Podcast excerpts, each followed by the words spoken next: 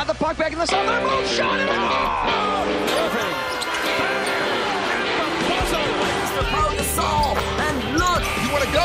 Let's go then. Pagan coming in. Dives and he makes the catch. Locker Room, amb Ruth Vilar. Fins les 7 de la tarda, 8 minutets per anar fins a Nova York per fer un locker room amb la Ruth Vilar. Ruth, què tal? Com estàs? Bona tarda. Hola, bona tarda. Seguim-vos aquí a... com si estiguéssim a Girona, vaja. Que es pot seguir aquí a Nova York el partit del Girona? Eh... He de dir que no, legalment no. No, no es pot... Es pot seguir per la ràdio. No, és a dir, no hi ha bars eh, que posin el, el partit del Girona aquí a Nova York? Encara no, però quan sigui de primera sí. Primera sí, clar, primera sí, això és Clar. veritat, tens raó. Escolta, És a dir Ruth, que a- avui aviat, teniu als Estats. Units... Als Estats Units teniu el segon partit del playoff de l'NBA, Sí. eh, després de veure el primer. No sé si es compliran els pronòstics que ens comentaves la setmana passada, perquè els Warriors, al primer partit, van passar per sobre dels Cavaliers. Vols dir que no saps si arribaran al sisè partit, no? Perquè els No de favorits, no, no nosaltres, eh? Vam, vam explicar amb, amb en Ramon Salmurri que les, les apostes aquí eren que els Warriors guanyarien aquest partit, però que s'arribaria al sisè partit.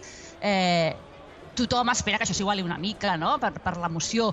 Eh, el, que els Warriors guanyaran, doncs eh, tothom ho segueix dient, però s'espera que s'igualin una mica i, i que aquesta victòria contundent 113-91 del primer partit eh, doncs potser faci canviar també una miqueta de com es plantegen les coses als Cavaliers. Veurem si aquesta nit de nou Kevin Durant i, i Curry deixen respirar o no el seu rival, però vaja, sí que l'inici del playoff ha estat molt menys igualat del que, del que s'esperava aquí. Si no recordo malament, 3 de la matinada hora catalana. Serà aquest partit, el segon de la final de la, de la NBA.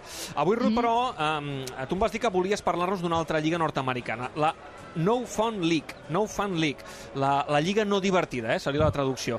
Qui- Quina Això és aquesta és. lliga no divertida als Estats Units?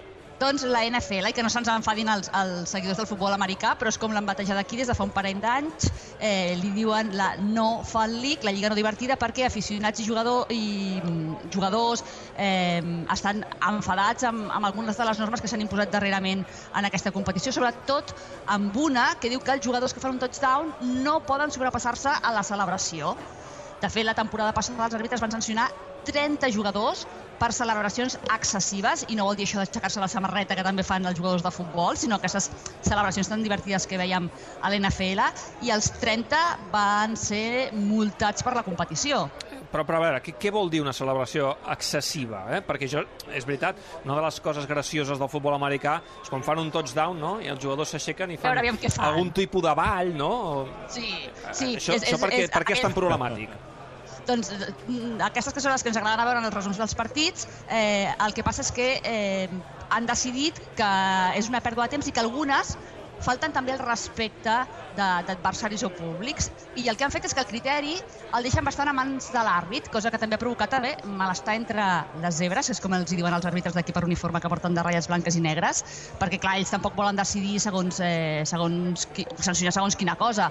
La bona notícia és, però, que eh, aquesta, aquestes últimes setmanes s'ha aprovat el nou reglament de cara a la temporada que ve i sembla que en aquest sentit eh, les sancions seran més flexibles i es, es permetran eh, algunes celebracions. Per exemple, continua prohibit el twerking, ho deixen molt clar, però es permet l'àngel de la neu. Mm? El twerking, sé més o menys què és, però, però això de l'àngel en la neu, què, què, què, què és? A mi també em va sorprendre que ho especifiquessin Àngel així, eh? Twerking no, àngel de la neu sí. El twerking sí que sabem que és aquest moviment de malucs endavant i endarrere, que fa molt bé, per exemple, l'Anthony Brown, el receptor dels Pittsburgh Steelers, que solia celebrar així els seus touchdowns, tots, touchdowns, i aquí ja han sancionat aquesta temporada per una celebració amb twerking. I l'àngel de la neu a mi em va sorprendre molt que fos específic que sí que està permès, eh, però em sembla molt menys divertit. És una celebració en què el jugador s'estira a terra boca amunt i amb els braços eh, estirats doncs els aixeca i els, i els baixa, els obre i els tanca, com si estigués eh, estirat sobre una capa de neu, que es veu que aquí se sol fer molt quan neva, s'estiren a la neu, boca amunt, i mouen els braços, doncs això és l'àngel de la neu i, i aquí sí que està permès. Però, vaja, amb aquest control de les celebracions, diuen alguns experts que també el que està provocant que és que resta seguidors joves a la competició perquè diuen que ara, per exemple, els millennials, que tothom parla dels millennials, que abans doncs, es miraven aquests resums que comentàvem de la jornada per passar-s'ho amb, amb detalls com les celebracions, ara ho han deixat de fer. Així que, tot i que aquest any hi haurà més flexibilitat, els amos de la NFL, amb aquesta mesura de no permetre determinades celebracions després d'un touchdown, tenen empipats, com dèiem, a jugadors aficionats i també els àrbitres que, clar, no volen ser els dolents de la pel·lícula, no? els responsables de decidir com es pot i com no es pot celebrar eh, un punt. Quan comença, per cert, la nova temporada, Ruth? Doncs encara falten dies fins al setembre. De moment, doncs, ara tenim tot aquests canvis de regles, eh, eleccions de jugadors, és a dir, que encara estan escalfant motors perquè la NFL començarà al setembre.